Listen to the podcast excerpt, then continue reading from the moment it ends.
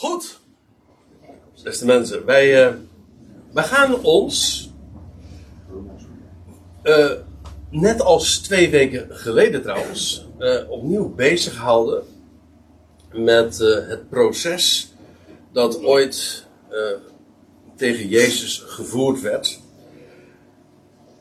Toen hadden we het over, twee weken terug dus, over dat Jezus voor Pilatus verscheen en de gesprekken die zich tussen hem en, uh, en de gouverneur voordeden. Dit keer gaan we het ook over dat proces hebben, maar over het Joodse proces, maar ook wat daaraan vooraf ging. En de titel vindt u wellicht wat eigenaardig. En aan Petra moest ik hem gisteren ook even dus toelichten. Want wat bedoel je daar nou mee? Jezus embargo. U kent het begrip embargo. Dingen worden wel eens een keer, je leest dat in de pers dan, uh, bijvoorbeeld bij, Prinsjesdag, als de miljoenen nota gepubliceerd uh, wordt, dan worden dingen tevoren, een dag van tevoren, al aan de pers onder embargo doorgegeven. Dat wil zeggen, de pers die krijgt dan een een, een, publicatieverbod, een tijdelijk publicatieverbod. Zij mogen al de dingen weten, maar ze mogen het verder nog uh, en zich daarmee bezighouden, hun voorbereidingen treffen, maar niet publiceren. Dus een, een, embargo, dat is een publicatieverbod. Tijdelijk publicatieverbod. Tot de termijn voorbij is. En ja, waar we het vanmorgen uh, mee over gaan hebben, is dat Jezus ook onder embargo bepaalde dingen heeft bekendgemaakt. En laat ik eerst even nog een paar dingen daaraan voorafgaand mogen zeggen. Uh, het is ruim drie jaar geweest dat Jezus heeft gearbeid, gerekend vanaf zijn doop uh, in de Jordaan door zijn neef Johannes de Doper, tot aan het, tot aan zijn sterven. Dat is drieënhalf jaar geweest. Maar gedurende drie jaar heeft de Heer onderwijs gegeven aan het volk. Daartoe was hij gezonden. En hij, zo lees je heel vaak, en hij onderwees in hun synagogen, maar ook daarbuiten op zoveel locaties. En dat predikte hij niet alleen, hij demonstreerde dat ook door de geweldige werken die hij deed, de wondertekenen die door zijn handen plaatsvonden. En hij predikte daarbij het koninkrijk dat nabijgekomen was.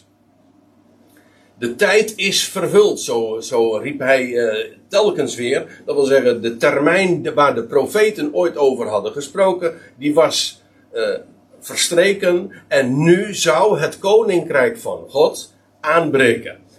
En daarbij, en dat is heel opmerkelijk, en daarop wil ik vooral uh, vanmorgen inzoomen, heeft hij doelbewust, maar ook consequent zijn eigen identiteit verborgen. En ik denk dat dat heel onbekend is voor veel mensen. De meeste mensen die denken dat Jezus zich aan zijn volksgenoten uh, al die jaren bekendgemaakt heeft van ik ben de Christus en jullie moeten dat geloven.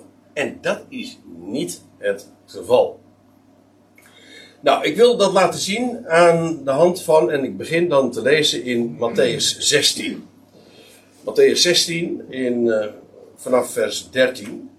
En dan lees je dit. Toen Jezus nu in de delen, of in de omgeving van Caesarea Philippi kwam, en die, uh, een aantal van u, als ik zo om me heen kijk, dan weet ik zelfs een heel groot aantal van u, is ooit wel eens in Israël geweest. En ik weet niet of u dan ook helemaal in het uiterste noorden bent geweest. Dat is eigenlijk in de, in de Golan. Uh, daar heb je dus uh, ja, het, de berg in de Golangeberg, dat is de berg Hermon, de, veruit de hoogste berg. En aan de voet daarvan ja, ligt dus het voormalige Caesarea Philippi. Oh, tegenwoordig heet dat de Banias. En heel vroeger trouwens ook al. En het is een van de bronnen van de Jordaan. Een hele idyllische plaats is dat. En eh, eh, je had trouwens twee plaatsen die Caesarea heten. Het, het, het belangrijkste Caesarea, dat lag aan de kust. Uh, maar daar was dan, om dat er van te onderscheiden, werd dit Caesarea, dus eigenlijk betekent dat keizerlijk, namelijk van keizer Philippus. En vandaar dus dat het Caesarea Philippi heette. En Jezus kwam daar, dus helemaal in het noorden van Israël. En hij was daar alleen met de zijnen, met zijn leerlingen. En toen vroeg hij zijn discipelen. En hij zei: Wie zeggen de mensen dat de zoon van de mens is? En die uitdrukking, ja, dat moet je met Joodse of Hebreeuwse oren beluisteren. Maar dat is een Messiaanse titel. Dus een van de titels die aan de, Mashiach, aan de beloofde Mashiach werd gegeven, de Ben Adam. In het Hebreeuws heet dat de zoon van de mens, is eigenlijk de Ben Ha-Adam. En, en, je vindt dat uh, al op allerlei plaatsen uh, in het Oude Testament zo uh, genoemd. opmerkelijk trouwens dat de Heer Jezus, en dat doet hij consequent, over de Ben Adam, de zoon van de mens, dat kan in allerlei contexten een verschillende betekenis hebben. Het kan zelfs gewoon de betekenis hebben van een mensenkind. Maar in een speciale setting betekent dat, is dat de aanduiding van die ene mens. De zoon van de mens. Namelijk van de Adam. De, eigenlijk ook de erfgenaam van Adam. Ja, wie is nou de erfgenaam van Adam? Die ene. Nou, dat is dus de Messias. Die zal namelijk de hele wereld inderdaad beërven en de aarde ook. Eh, tot een paradijs maken. Een één grote hof. Maar als Jezus daarover sprak, deed hij dat in de derde persoon. Hij zei niet van wie ben. Wie zeggen de, zo wordt het vaak wel gelezen. Wie zeggen de mensen dat ik ben? U zegt, ja, hij was toch de zoon van de mens? Jawel, maar dat is nu juist een van de punten. Dat zei hij, dat leerde hij niet expliciet. Ik zal dat straks ook laten zien. Uh, hij sprak over. Dus, wie zeggen de mensen eigenlijk dat de zoon van de mens is? Waarbij hij in feite in het midden liet wie die zoon van de mens dan was. De Ben Adam. Maar oké. Dan die vraag. Wie, wie, wat wordt er zo al gezegd? Wat zegt men er nu over? En uh, ja, ja, dan, uh, dan kan er alles gezegd worden als je gaat vragen naar wat men ervan vindt. En uh, nou ja, de Jezus krijgt dan vervolgens ook antwoord en zegt, nou, sommigen die zeggen dat de Ben Adam, dat zal Johannes de Doper zijn. Of andere Elia. En weer anderen die zeiden Jeremia of een van de profeten. Kortom, het antwoord is nogal omstreden en in elk geval ook divers. Er worden allerlei suggesties opgeroepen van wie dat mogelijk, wie daarin voor in aanmerking zou kunnen komen. Wie de Ben Adam is. Dan komt er nu een andere vraag. En hij zei, hij, die Jezus, zei tot hen, maar jullie. Wie zeggen jullie dat ik ben? Nu, dit is een andere vraag, hè? Eerst was de vraag nog van wat men zegt. En nu is de vraag, wie zeggen jullie? En nu, maar vervolgens ook de vraagstelling, niet alleen de adressering is anders, maar ook de, het onderwerp is anders. Namelijk, nu is het niet meer in het algemeen wie, eh, wie, wie zal de, de Ben Adam zijn. Maar wie zeggen jullie? Wie zeggen jullie dat ik ben? En ja, en, nou volgt een, een heel bekend woord. Een geweldig antwoord. Eigenlijk is in, het is, uh, staat ook eigenlijk centraal in dit hele evangelie. Uh, Simon Petrus antwoordde nu en hij zei: u bent de Christus. Of Hamashiach, zou dat in het Hebreeuws of in het Aramees dan klinken. De Christus. De zoon van de levende God.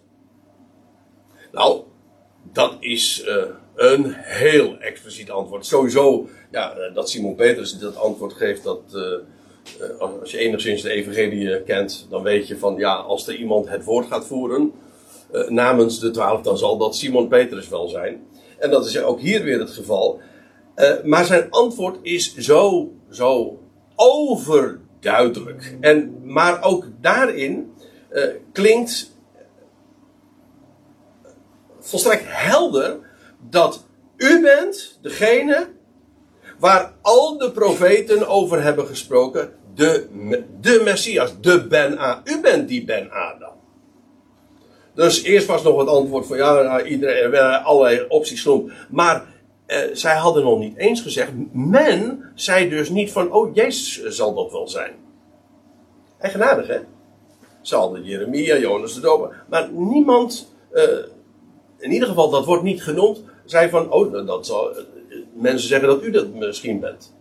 Nee.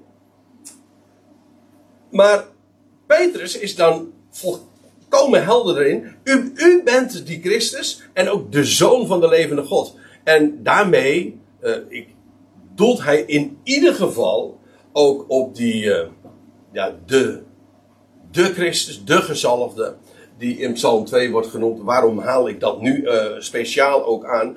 Wel, Psalm 2 is die psalm die gaat over waarom woelen de volkeren en zinnen de natie op ijdelheid. En, en dat, dat, dan wordt er gesproken over een eindstrijd die, dat de natieën zich naar Jeruzalem keren en zich keren tegen Yahweh en zijn gezalfde en zijn Mashiach, zijn Christus op zijn Grieks gezegd. Dus.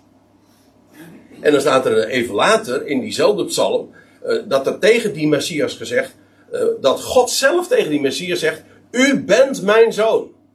Ik heb u heden verwekt. Heel dubbelzinnig. Aankomende donderdag mag ik in uh, Nunspeet spreken, juist over dat thema: de zoon van God.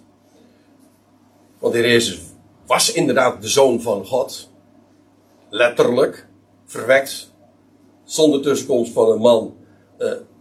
Door de geest van de Allerhoogste is, oh, is, is Maria overschaduwd. En, uh, en daarom dat heilige wat uit hem, uit haar voortkwam, dat was met recht dus de zoon van de Allerhoogste. En later zou hij trouwens ook verwekt worden uit de doden door God zelf. Hoe dan ook, uh, de zoon van de levende God, ja, dat is, dat is de Messias. Hij, en Petrus, die inmiddels al, nou, inmiddels nu zo'n, dit zal ongeveer een paar maanden, misschien een half jaar, ik weet het niet precies, uh, geweest zijn voor de kruisiging. Dus uh, inmiddels liep Petrus en, en zijn collega-leerlingen, die liepen al zo lang met Jezus mee. En nu onthult Petrus dit. Of maakt hij dit bekend? U bent dit. U bent de Christus, de Zoon van de levende God. En moet je eens opletten wat Jezus' reactie daarop is. Hij zegt, Jezus antwoordde en zei tot hem, gelukkig, zalig, maar gewoon letterlijk betekent dat gewoon, gelukkig ben jij, Simon Barjona. Dat wil zeggen, er viel jouw geluk ten deel, met recht, want vlees en bloed onthulde jou dat niet. Vlees en bloed betekent gewoon een mens. Een mens heeft dat jou niet gezegd. Maar mijn vader, die in de hemel is, die heeft dat jou onthuld. Waaruit trouwens ook volgt weer, wat ik zojuist al even aangaf. Namelijk, uh, hij had dit niet van Jezus zelf vernomen. Alles wees in de richting, de suggesties, de werken die Jezus deed.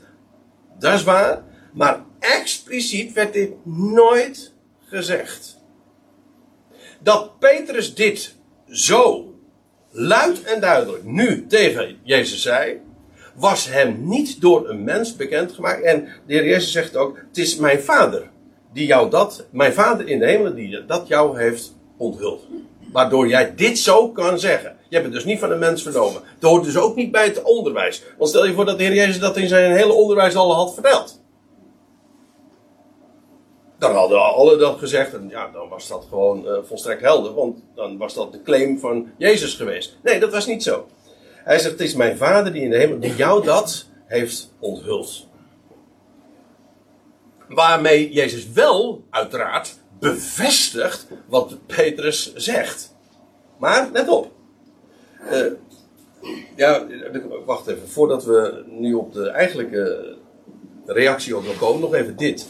Uh, hij zegt nog net, maar uh, ik zeg jou, ja, dit zijn bekende woorden. Ik zeg, ja, voor wie, voor allerlei mensen. Voor de mensen met een rooms-katholieke traditie is dit helemaal bekend, omdat in feite op dit Bijbelvers dan de hele, het pauselijk primaat de, van de bisschop van Rome zelfs gebaseerd wordt. want de heer Jezus zegt dan, ik zeg je dat jij Petrus bent. En op deze Petra zal ik mijn Ecclesia bouwen. Om even. Het is echt een zijpaadje hoor, want over de Rooms-Katholieke Kerk gaan we het niet hebben. En, en en hoe, hoe men tot deze gedachte gekomen is. Kijk, eh, de Rooms-Katholieke Kerk zegt dit.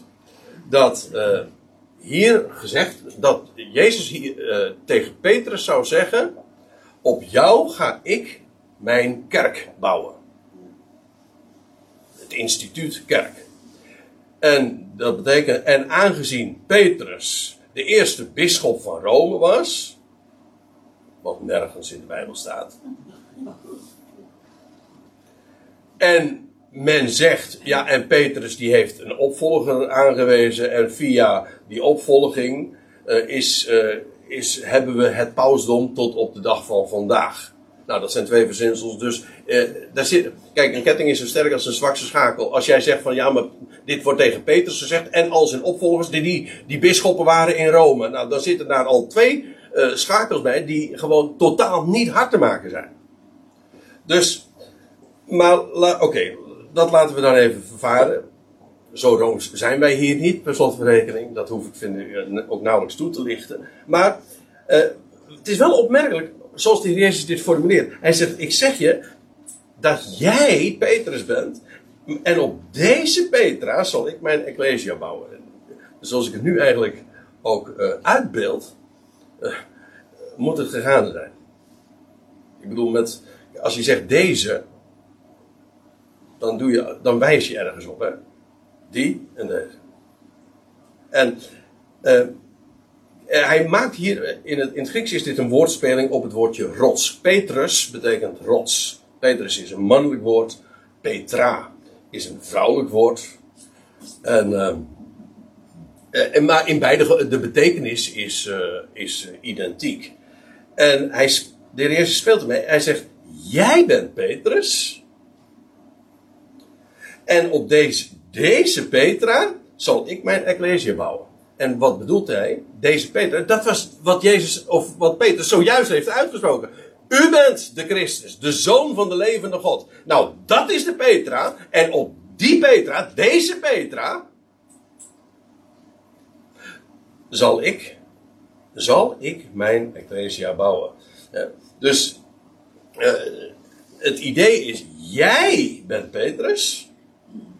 En op deze Petra namelijk de Christus, de zoon van de levende God. Een andere fundament, een andere rots is er niet. Daarop zal ik de Ecclesia bouwen. En wat die Ecclesia is en, uh, en, en, en, wat dat uh, allemaal betekent, ja, dat, dat, is, dat, dat is. Daar zou een hele serie over te geven zijn. En dan, dan kom je zelfs nog helemaal in de woestijn daar in, van Edom terecht, want daar heb je ook nog een stad die heet Petra. Wat heeft dat er nou weer mee te maken? Ja, dat ga ik jou niet vertellen dus. Maar daarom zeg ik ook van dat is te veel om te, te noemen. Maar in elk geval, het is trouwens wel heel bijzonder dat de Heer Jezus ook zegt, zal ik mijn Ecclesia bouwen. Dus dat gaat in de toekomst gebeuren. Nee, inderdaad, de Bijbel kent niet zoiets als een kerk vanaf Adam. Of een gemeente vanaf Adam. Nee, uh, die Ecclesia zou nog gebouwd worden. Hoe dan ook. Um, en ja, want daar wilde ik uh, naartoe. Het is het eerstvolgende. De, de, je krijgt eerst nog trouwens de, de, dat, dat de, aan Petrus worden sleutels toevertrouwd. en dat hij, hij krijgt het, het, uh, de bevoegdheid om dat wat hij bindt op aarde zal gebonden zijn in de hemel. En wat hij ontbindend verklaart op aarde zal ontbonden zijn in de hemel. Ook dat is een heel uh, onderwerp apart. Dat zou me te ver voeren. Ik, ik, uh, ik, sla nu twee versen over en dan komen we dus in vers 20 aan. En uh, nou komen we eigenlijk bij het punt van dat embargo. Toen waarschuwde hij, in de MBG-vertaling staat, toen verbood hij met nadruk zijn discipelen dat hij dat zij aan niemand, um, dat toen waarschuwde hij zijn discipelen, dat zij aan niemand zouden zeggen dat hij de Christus is. Dat wordt dus inderdaad verboden. Het wordt, mocht niet gepubliceerd worden. Later, dat zou, uh, ja, uh, enkele maanden later, zou Petrus, notabene, met zijn collega-apostelen, in Jeruzalem, aan publiek op het tempelplein gaan verklaren. Maar dat is dan inmiddels na de opstanding. Hij, God heeft, deze Jezus die jullie hebben gekruisigd, die heeft God en tot Here en tot Christus gemaakt. Ja, maar dat was inmiddels een andere situatie. Nu, kijk, Jezus zou definitief ook de Christus worden door zijn opstanding.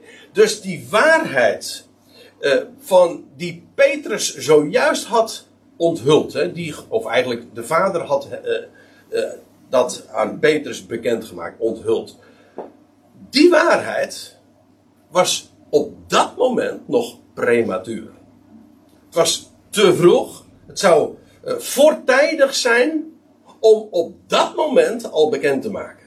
Het was wel waar, of het zou definitief nog waar worden, maar op dit moment was Jezus nog niet de Christus. Hij zou dat officieel en definitief pas worden in zijn opstanding. En vandaar ook dat het heel uitdrukkelijk door de Heer Jezus verboden wordt dat het ook maar aan iemand bekend zou worden gemaakt. Dat zie je ook elders. Ik wil u nog meenemen naar nog een schriftplaats waar je exact hetzelfde vindt. Uh, Johannes 10, vers 24. Daar lees je, uh, dat moet een korte tijd na deze gebeurtenis in Caesarea Philippi geweest zijn. En het was uh, het Chanukka-feest, het vernieuwingsfeest in Jeruzalem. Het was winter. Dus ongeveer rond onze kersttijd, zeg maar. Ook uh, lichtjesfeest. Het, en Jezus staat er dan, wandelde in de tempel, in de zuilengang van Salomo. En dan staat er in vers 24, de Joden dan omringden hem en zeiden tot hem, tot wanneer houdt u onze ziel op?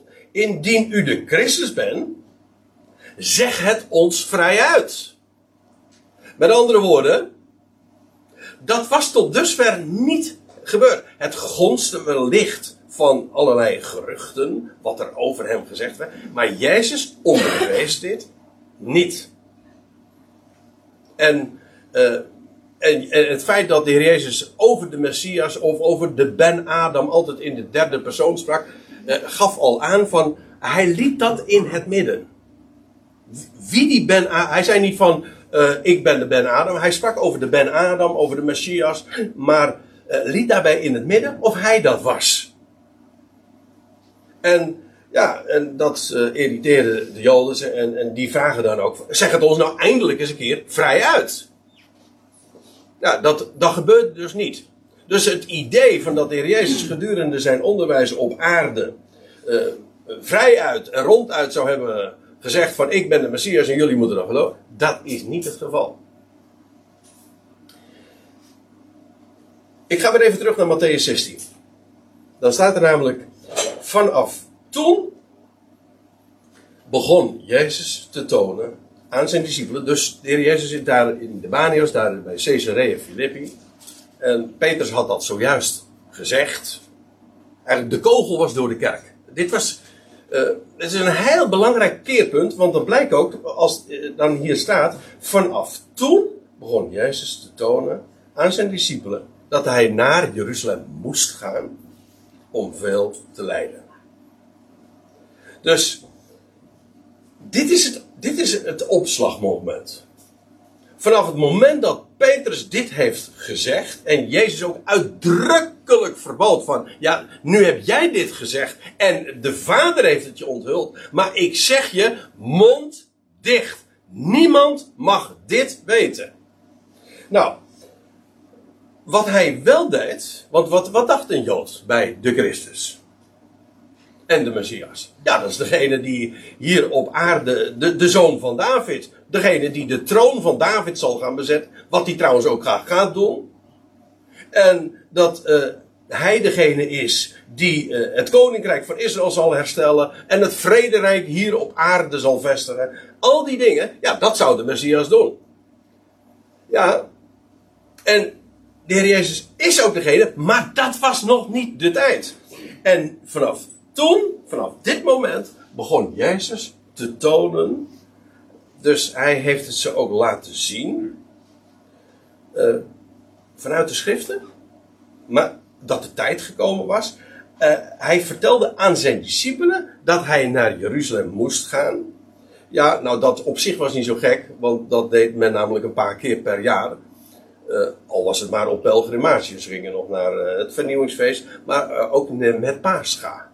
Het Pesachfeest. Maar nu zei hij dat hij naar Jeruzalem moest gaan om veel te lijden. Had de Heer Jezus dan in zijn prediking nooit gezinspeeld op zijn sterven? Oh jawel. Maar gezinspeeld. Altijd impliciet. Voor de goede verstaander. Bijvoorbeeld als het brood des levens. Of wat dacht u van. Uh, Johannes, daar staat in Matthäus 12. Uh, dat de Heer Jezus zegt van. Uh, dit geslacht verwacht uh, een teken. Maar ze krijgt niet anders dan het teken van Jona de profeet die drie dagen en drie nachten in het hart van de aarde is. Uh, en zo zal dat ook met de zoon van de, men, de Ben Adam gaan. De niet, dus, dus de heer zegt dan niet, dat zal, zo zal het ook met, met mij gaan. Nee, zo zal het ook de Ben Adam vergaan. Ook drie dagen en drie nachten, net als Jona. Dus talloze aanwijzingen. Maar altijd liet hij daarbij in het midden, voor de goede verstaander en voor de, uh, de nauwkeurige luisteraar, die kon daar alles in vermoeden. Maar expliciet werd het juist niet gezegd. En vanaf dat Caesarea Philippi, helemaal daar in het noorden, daar in die kring van Intimi waarin Petrus dit heeft onthuld, toen ging de Jezus aan zijn discipelen vertellen, ja, ik ga naar Jeruzalem toe, maar daar zal, eh, nou ja, eh, hij zou daar gaan, veel gaan lijden. Trouwens, als hier staat vanaf toen, betekent dus, uh, hij heeft dat bij meerdere gelegenheden gedaan. En als u uh, een MBG-bijbeltje hebt, in de Statenvertaling weet ik niet, dan staat er ook boven, in, bij, dat, bij de passage, de eerste aankondiging van zijn lijden. En dan in Matthäus 17, vers 22, dan lees je de tweede aankondiging van zijn lijden. En bij Matthäus 20 staat dan de derde aankondiging van zijn lijden. En in Matthäus 26 de vierde de aankondiging van zijn lijden. Dus eh, dat hij heel uitdrukkelijk zegt van ik ga naar Jeruzalem toe. En daar zal ik veel lijden ondervinden. En, nog sterker, uh, hij, hij zou uh, niet alleen uh, lijden ondergaan, hij zou sterven. Maar let er ook op trouwens dat er staat, hij moest naar Jeruzalem gaan. Hoezo? Moest. Ja, kijk. De Jezus, die leefde bij de schriften. Zo intens. Hij, hij kwam om uh, te vervullen het woord van zijn vader. En met de schriften is hij altijd bezig geweest. En hij heeft zichzelf herkend in de boekrol. Hij wist in de boeken, zo staat het in Psalm 40 ook, en in Hebreeën 10 wordt het aangehaald. Hij zegt, zie hier ben ik hier om uw wil te doen. Want in de boekrol staat voor mij geschreven.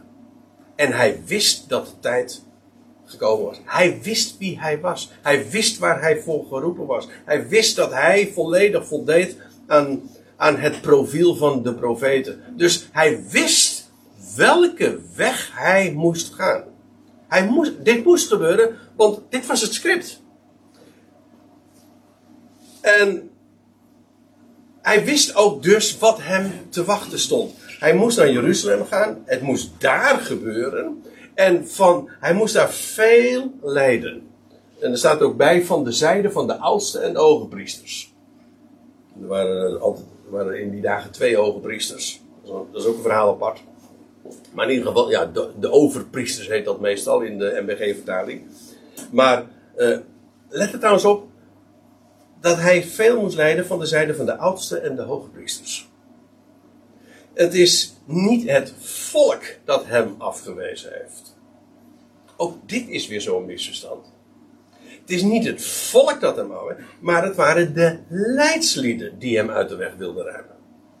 En we hebben het, dat is al een heel tijd geleden, maar toen hebben we het een keertje gehad over die passage in Johannes 11 dat uh, inderdaad er een vergadering in het Sanhedrin plaatsvindt. En dat daar dan ook beraadslagen wordt van, ja, deze man, die vindt zoveel uh, gehoor bij het volk. Wij zijn bang dat uh, de Romeinen hier een stokje voor gaan steken. En dan nemen ze ons de plaats af en, uh, en dan zijn wij onze positie als Sanhedrin ook kwijt. Dus zij zagen in Jezus een absoluut een gevaar voor hun eigen positie. En, ja, en hier wordt dat ook de, door de, de Heer Jezus gezegd. Uh, hij zou veel lijden ondergaan van de zijde van de oudsten en de hoge priesters. En hij zou ook gedood worden. En, maar, en dat is ook zo opvallend. Iedere keer als de Heer Jezus zijn lijden aankondigt, hij zegt: Ik ga naar Jeruzalem toe. En daar zal ik veel lijden ondervinden. Van de zijde van de hoge priesters en de oudsten. Ze zullen me doden. En iedere keer als hij dat zegt, wijst hij er ook al op dat hij zal worden opgewekt. Sterker nog, dat wanneer hij zal worden opgewekt, namelijk op de derde dag. Hoe wist hij dat? Ja, hij kende de schriften. En, hij, en, en deze toevoegingen van dat, dat uitzicht, de Heer Jezus wist de weg die hij uh, moest gaan. En ja, naarmate de, het moment naderde, en je ziet dat natuurlijk helemaal sterk in de nacht zelf, dat als, als ze de opperzaal hebben verlaten en dat ze dan het Kidrondal doorgaan en dat hij in Gethsemane en dat, hij, dat het zo hem aangrijpt. En dat hij dan met zijn discipelen daar is en, uh, en uh, zich dan afzondert op een steenworp afstand. En dat hij tot drie keer toe bidt: Vader, neem deze drinkbeker voor mij weg. In, indien u het wil. Maar niet mijn wil, maar de uwe geschieden. Hij, en, en je leest dan dat zijn, drup, zijn, zijn, zijn zweet werd als bloeddruppels. Dus het heeft hem zo enorm aangegrepen. Hij, maar hij wist wat er zou gaan gebeuren.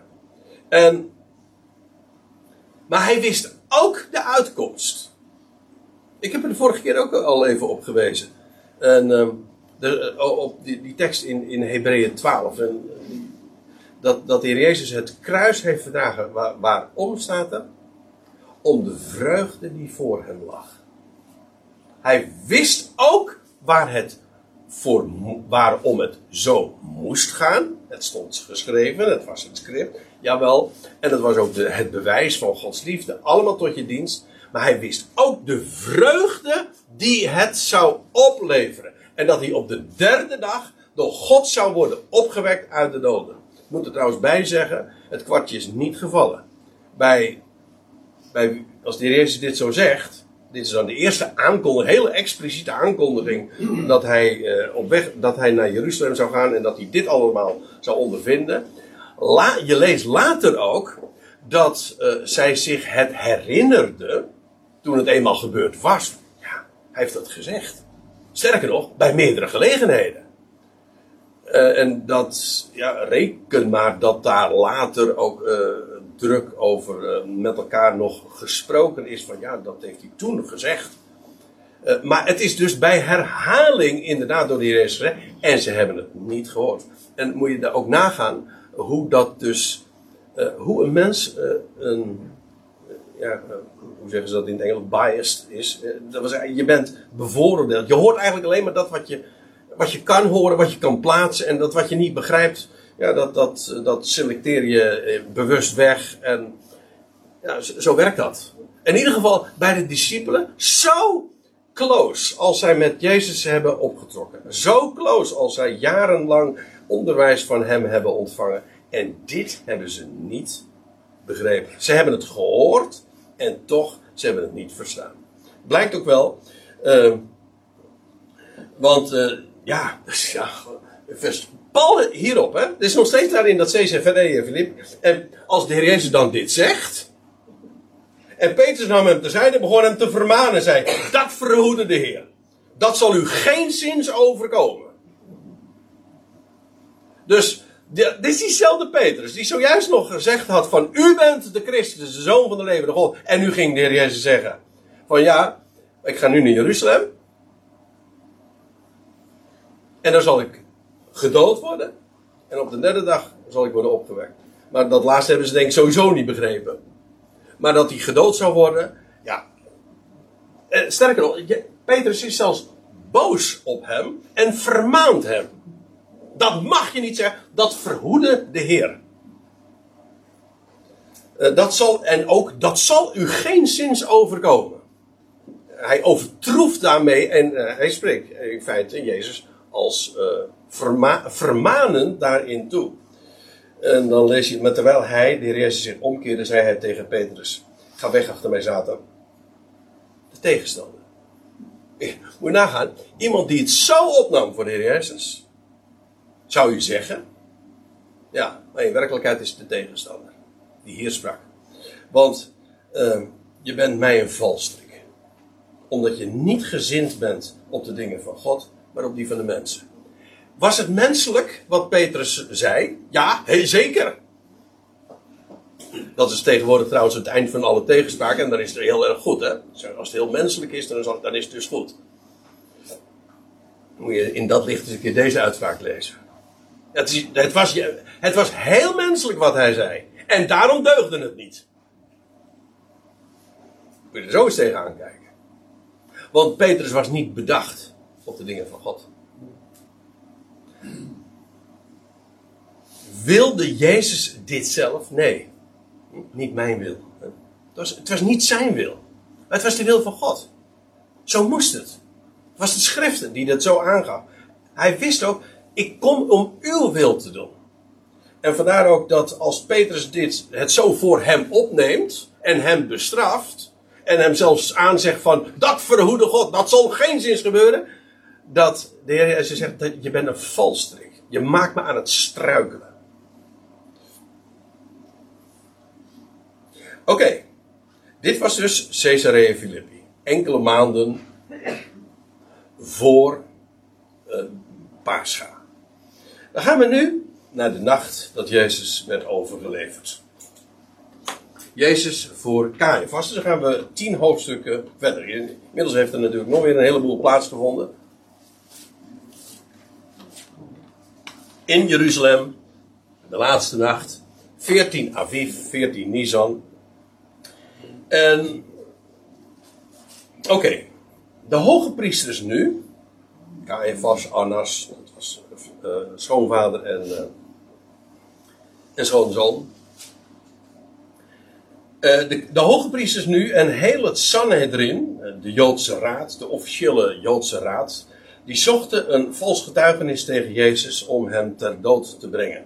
Dat klinkt een beetje vreemd als je het zo zegt.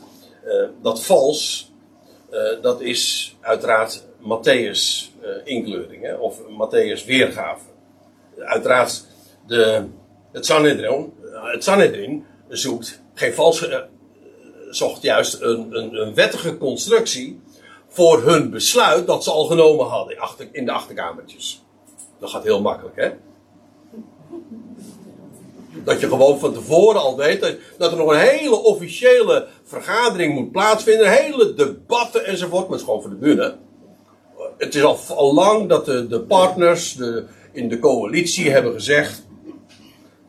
Uh, nee, ik, ga er geen actuele politieke verhaal van halen. Maar terwijl ik het formuleer, denk ik van. Ja, het, het, is allemaal gewoon in kan en kruik. Het is allemaal al van tevoren gewoon bedisseld. En, bedisseld is. Je kan tegenwoordig ook niks meer zeggen. Ja, je bent jong en je, Oh nee, Nee, maar begrijpt u? Uh, dat, dat, is gewoon, dat is inderdaad voor de bühne. En in, in werkelijkheid hey, hebben gewoon uh, een paar mensen dat on, in, inderdaad in de achterkamer al, al besloten, jongens, zo en zo gaat dat. En we moeten het allemaal, we moeten wel natuurlijk het toneelspel allemaal goed spelen. En, en er moet natuurlijk ook een wettige constructie, want ook de rechterlijke macht moet daar, het moet allemaal wel volgens uh, de regels gaan. En dan doen we echt eens een keer zo. Hè, dan, Er, er kunnen allerlei dingen, dat, dat er iemand opgeroepen wordt die eigenlijk er niet mag komen. Maar goed, eh, een unieke gelegenheid. En als dat, eh, als dat de, de, nood, noodzaak is. Ja, weet u, ah, ik zeg deze dingen en, en ik maak ook een knipoog naar de, de actualiteit, dat is duidelijk. Maar ik, om, juist ook om aan te geven dat wat er toen plaatsvond, zo uniek is dat ook weer niet. Het unieke van dit is dat dit ja, het centrum van de hele wereldgeschiedenis is.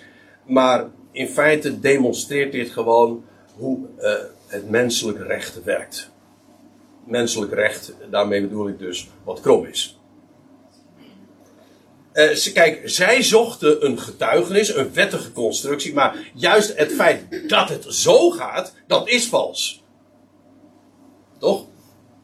En daarom dat zij zochten een vals getuige, dat vals moet je eigenlijk tussen, tussen haakjes zetten. Van, dat is namelijk, dat is wat eh, Matthäus zegt, het is, om, dat het zo ging, dat maakt het juist vals, want ze hadden van tevoren al gezegd om hen te dood te brengen. Dat, dat stond namelijk al vast. En nu moest er alleen nog een, een wettig kader eh, gecreëerd worden, zodat, eh, zodat dat gewoon allemaal ook verkocht kon worden hè, voor de buren. Maar goed, ze zochten een, eh, een getuigenis, en, maar dat viel nog niet eens mee. Nou ja, en dat is eh, een understatement. Eh, want zij vonden er geen, hoewel er vele valse getuigen optraden. En die is opmerkelijk, want wat is een vals getuige? Gewoon volgens juridische maatstaven. Kijk, een getuige, één getuige is geen getuige.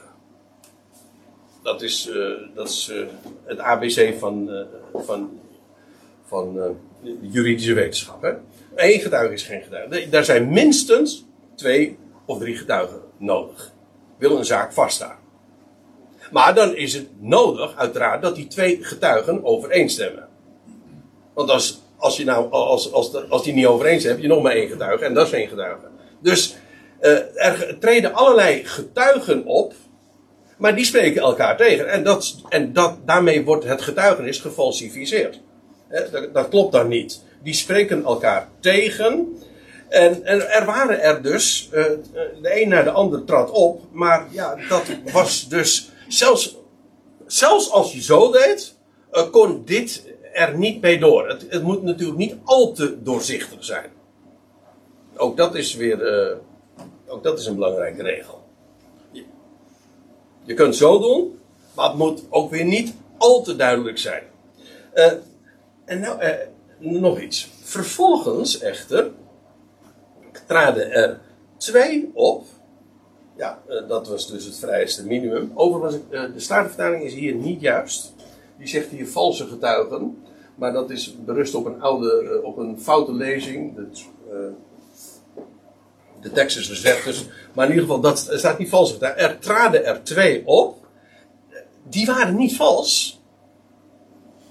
Hoewel hun getuigenis niet toereikend bleek. Let op, die zeiden: deze, deze Jezus, deze heeft verklaard: ik kan de tempel van God afbreken en gedurende drie dagen opbouwen. Ah, dus eh, iedere, de een naar de andere getuige trad op. Eh, en iedere keer moest de hoge priester helaas eh, toch weer eh, ja, dat terzijde leggen. Want ja, dat, dus, het was, ze, sta, ze stemden niet overeen. En nu traden er twee op die zeiden van... Ja, deze heeft gezegd... Ik kan de tempel van God afbreken en gedurende drie dagen opbouwen. En wat blijkt... Ja, als je, dit vind je niet in het Matthäus-evangelie. Ook niet in Marcus. En ook niet in Lucas. Dit vind je alleen maar bij Johannes. Johannes vermeldt maar dat is aan het begin van Jezus optreden geweest. Bij zijn eerste paascha, dat wil zeggen in zijn publieke optreden in de tempel, in Jeruzalem. Toen heeft hij zoiets, zoiets gezegd, inderdaad. Want ik neem u even mee naar Johannes 2. Jezus antwoordde en zei tot hen, en dan, gaat, is hij dus daar in Jeruzalem in de tempel. Breek deze tempel af en binnen drie dagen zal ik hem doen herrijzen. Hey, dat, dat hebben zij gehoord. Wa- daar waren dus eh, meerdere, vele mensen, dat weet ik niet, waren daar dus aanwezig en die hoorden Jezus dit zeggen. Eh, Jezus zei tot breek deze tempel af en binnen drie dagen zal ik hem doen herrijzen. Dat is een tamelijk cryptische uitspraak natuurlijk. Hm? Eh, Want dat blijkt dan ook wel. De Joden dan zeiden: 46 jaar is over deze tempel. Dat is de tempel van Herodes. Dat was een, een, weer, van de wereldwonderen in die dagen.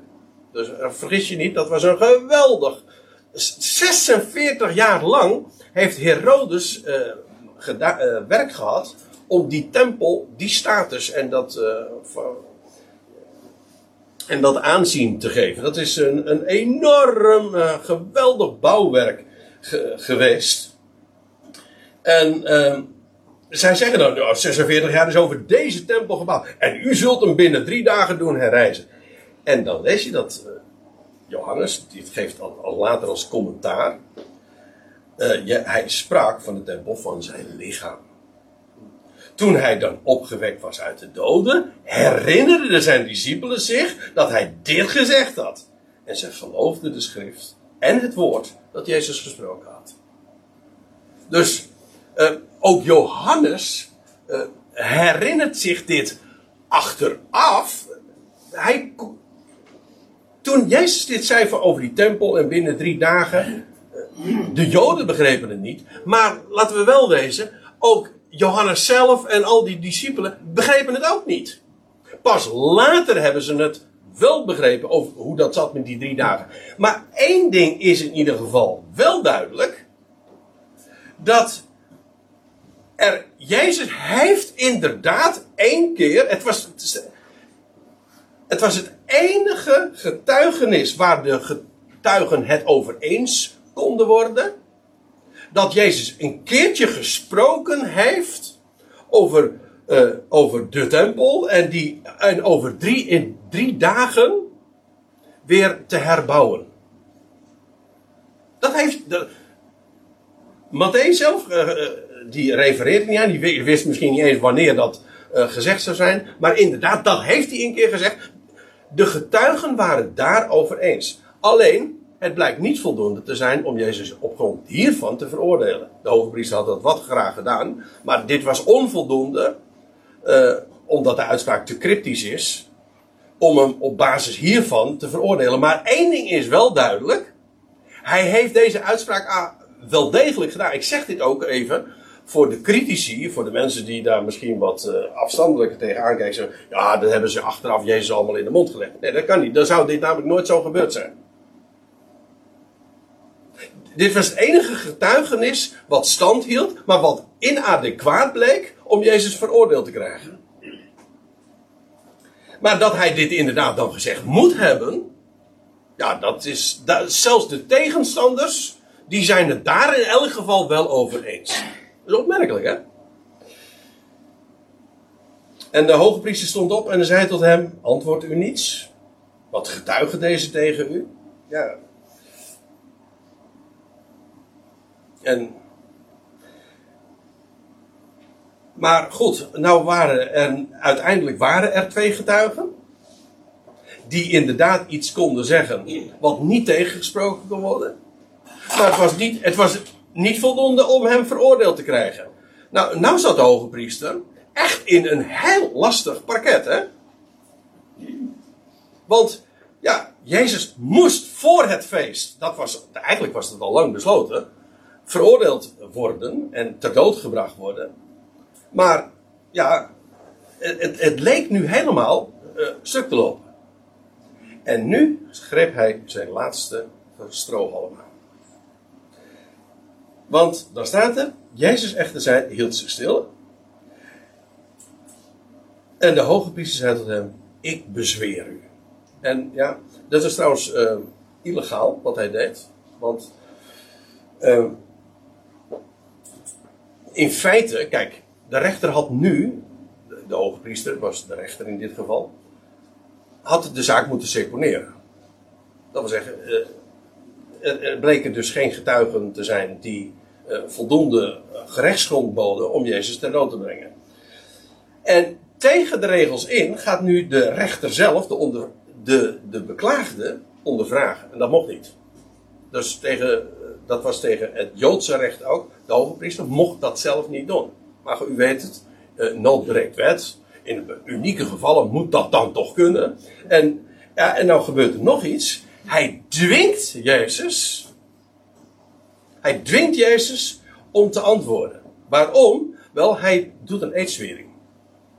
En nu was Jezus verplicht, ook dat was de regel, onder die omstandigheden, als de hoge priester dan een eedswering deed, ja, nu moest Jezus antwoorden. En dus hij, uh, hij, hij, onder bezwering zegt hij iets. Ik bezweer u. En daar komt het. Bij de levende God, dat u ons zegt, of u bent de Christus, de Zoon van God.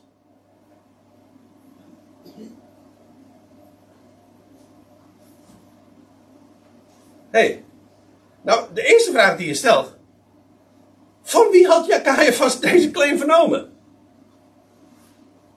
Dat kon hij toch niet weten? Jezus heeft altijd daarover gezwegen. Hij heeft nooit deze claim expliciet gemaakt. Nou, daar, hadden we het zojuist over. Maar wat blijkt, en we hebben het zojuist eh, gezien, deze formulering komt vrijwel woordelijk overeen met wat Petrus ooit daar in het noorden van Israël had beleden. In besloten kring.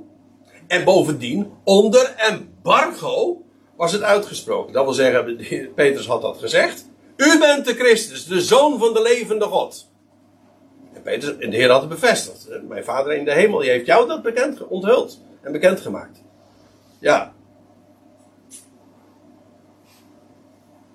En mocht echt niet gezegd worden. Maar wat doet nu de hoge priester? Die ten einde raad is uh, om Jezus nu veroordeeld te krijgen. Die doet een boekje open. En hij zegt, bent u dit? En ja, u, u voelt hem al aankomen. Er is uit de school geklapt. Ja, Judas dat is, kijk, men heeft zich heel vaak verbaasd over de, de rol van Judas in deze. Wat heeft Judas nou eigenlijk gedaan?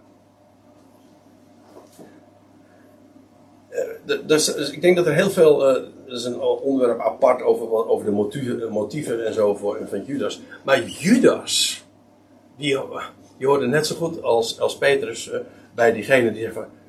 ja, u bent de Christus, maar God verhoede dat u gedood wordt. Hij wilde juist dat Jezus zich ging bekendmaken als de Christus. En, maar Jezus deed dat niet. En, en daar heeft Judas zich enorm aan gestoord. En hij is op een gegeven moment is hij naar de overpriesters gemaakt. Heeft heeft heeft inderdaad een deal gemaakt. En heeft hij iets gezegd. U zegt, ja, hij zou hem aanwijzen. Ja, maar dat is niet het enige natuurlijk, want ze hadden hem ook overdag kunnen arresteren in, principe. En dan hadden ze, ik bedoel, Jezus' identiteit was bekend. Nee, maar wat, wat heeft hij tegen die hoofdpriesters gezegd? Heeft iets bekendgemaakt. Dit heeft Jezus gezegd. Hij heeft gehoopt en gedacht en ook geprobeerd om Jezus te forceren dat hij zich bekend zou maken als je later in het proces daar ook leest, dit is Paul hierna, als Jezus dan inderdaad ook veroordeeld wordt en Jezus zich laat gaan, uh, uh, ja, die, die gaat dan vervolgens naar Pilatus en dan ziet Judas dat Jezus inderdaad veroordeeld was, dan kreeg hij berouw. Want dat was namelijk niet zijn bedoeling. Zijn bedoeling was dat Jezus zich zou bekendmaken als de Christus en zou doen wat de Christus geacht wordt te doen, namelijk koning van Israël te zijn. De koning van de Joden. Dat had hij gehoopt en daartoe wilde hij hem forceren. En toen hij zag dat dat mislukt was, toen, ja, toen viel zijn hele motief weg. Dus het hele idee dat, Jezus, dat Judas Jezus haatte en zo, dat, is niet, dat staat er niet. Integendeel, hij was zwaar teleurgesteld toen Jezus veroordeeld werd. En toen Jezus zich liet veroordelen. Maar het gaat even om het punt. Dit is dus inderdaad. Uh, dit weet Caiaphas alleen maar te zeggen omdat hij dit gehoord heeft. In de, vanuit de kring van Intimi. En uh, als, als, als, als Caiaphas dit dan zo bezwerend zegt van, zeg ons.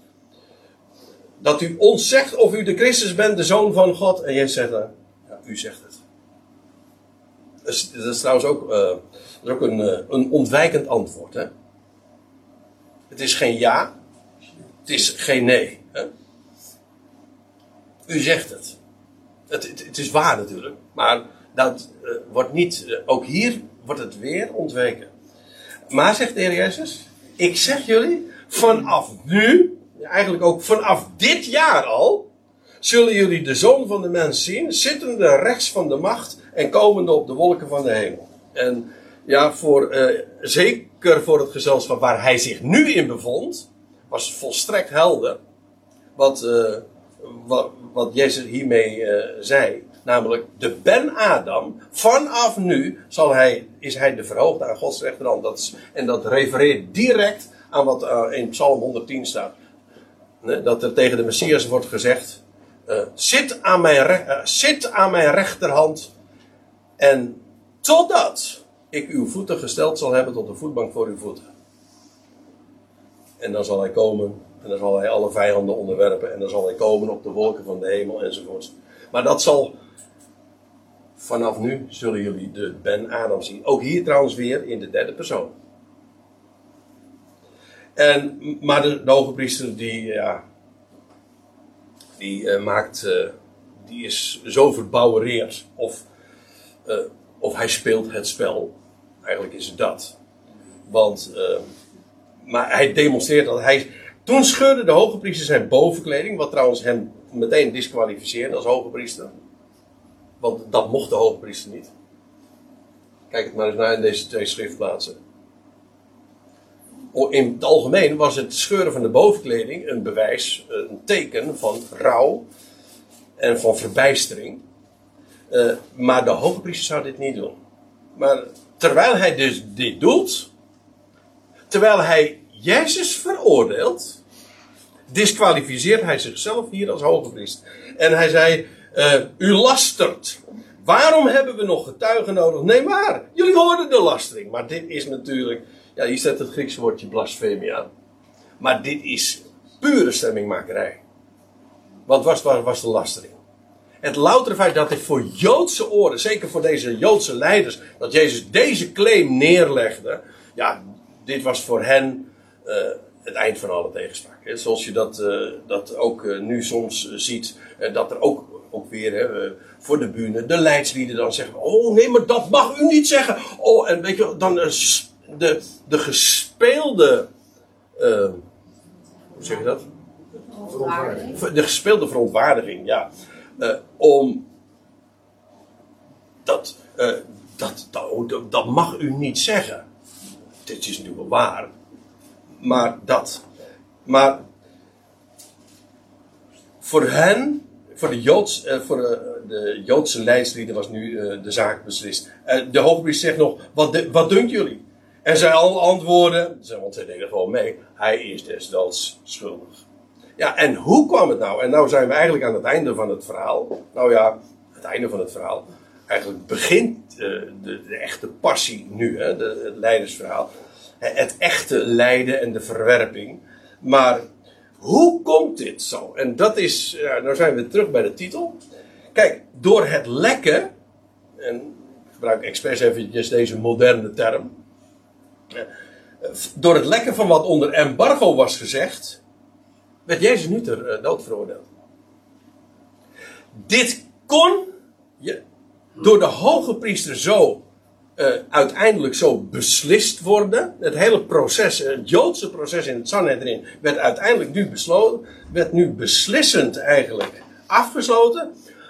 Door iets wat onder embargo was, be bekend was uh, bij de discipelen. Maar er was inderdaad uit school geklapt. En dat is de rol ook van Judas geweest. Maar het is allemaal, en dat, ook dat was tevoren bekend. Weet u dat Jezus zelfs Judas daarvoor heeft uitgekozen? Dat uh, lees je hier al in uh, Johannes 6, vers 1 Het was niet. dit, dit waren geen verrassingen. Dat is trouwens een van de opvallende dingen. Met name als je het Matthäus evangelie. Ik luister momenteel, dat doe ik altijd in deze tijd. Uh, ik ben helemaal niet van het kerkelijk jaar. Maar ja, het is de tijd van Pesach. En, uh, en juist dan word ik altijd heel erg uh, bepaald. ja, bij, bij, uiteraard bij deze geschiedenis. We hebben het er nu ook weer over. Maar dan luister ik ook de, de Matthäus Passion of een, mijn, een modernere versie daarvan. Ik had het juist vanmorgen met Peter er nog over. En, maar wat zo opvallend is in die Matthäus Passion, als je dat dan ook leest, helemaal gebaseerd op het Matthäus-evangelie, hoe voortdurend erop gewezen wordt op dat vervuld zou worden hetgeen geschreven was door de profeet. Iedere keer. S soms struikel je erover. Het is, het is net zo, er, er wordt een script afgerond. Zo moest het gaan. Het was tevoren zo geschreven. Alles was volgens het script. De schriften moesten vervuld worden. En Jezus kende dat. En zelfs, en zelfs als Jezus zegt: Dit mogen jullie uitdrukkelijk niet gezegd, uh, dit mag niet gezegd worden. Toen wist hij, het gaat wel gezegd worden. Maar juist doordat hij het uitdrukkelijk verboden had, kon het op deze wijze gaan. Dus alles, zelfs de fouten, zijn gepland. Alles gaat volgens het script. En weet u, nou, en daarmee wil ik eh, ook afsluiten. Dat vind ik zo'n geweldige wetenschap. Ik weet, sommige mensen vinden dat, die, die voelen hun eigen aandeel hier zo minimaal in worden. En dat is terecht trouwens. Ze zeggen, ja, uh, wat heb ik dan nog eigenlijk? Dan ben ik eigenlijk een robot. Nee, ik ben geen robot. Je bent een stukje klei. Nog veel minder. Klei in de hand van de pottenbakker. En hij maakt en breekt ons. Maar weet u, ik geloof in die pottenbak. Hij maakt er geen potje van, hè, zo zei, uh, zei Klaas Govers. Hij maakt er een potje van. En hij heeft, hij heeft iets geweldigs op het oog. En het, de uitkomst is zo grandioos. En daarom heeft de Heer Jezus ook deze weg kunnen gaan. Zo diep, zo zwaar, zoveel lijden. En toch, hij heeft het kunnen doen vanwege de vreugde. Hij kende zijn God. Hij wist op wie hij zijn vertrouwen gevestigd heeft. En dat was toen zo. En vandaag is dat niet anders. En daar wilde ik het graag wel laten voor vanmorgen.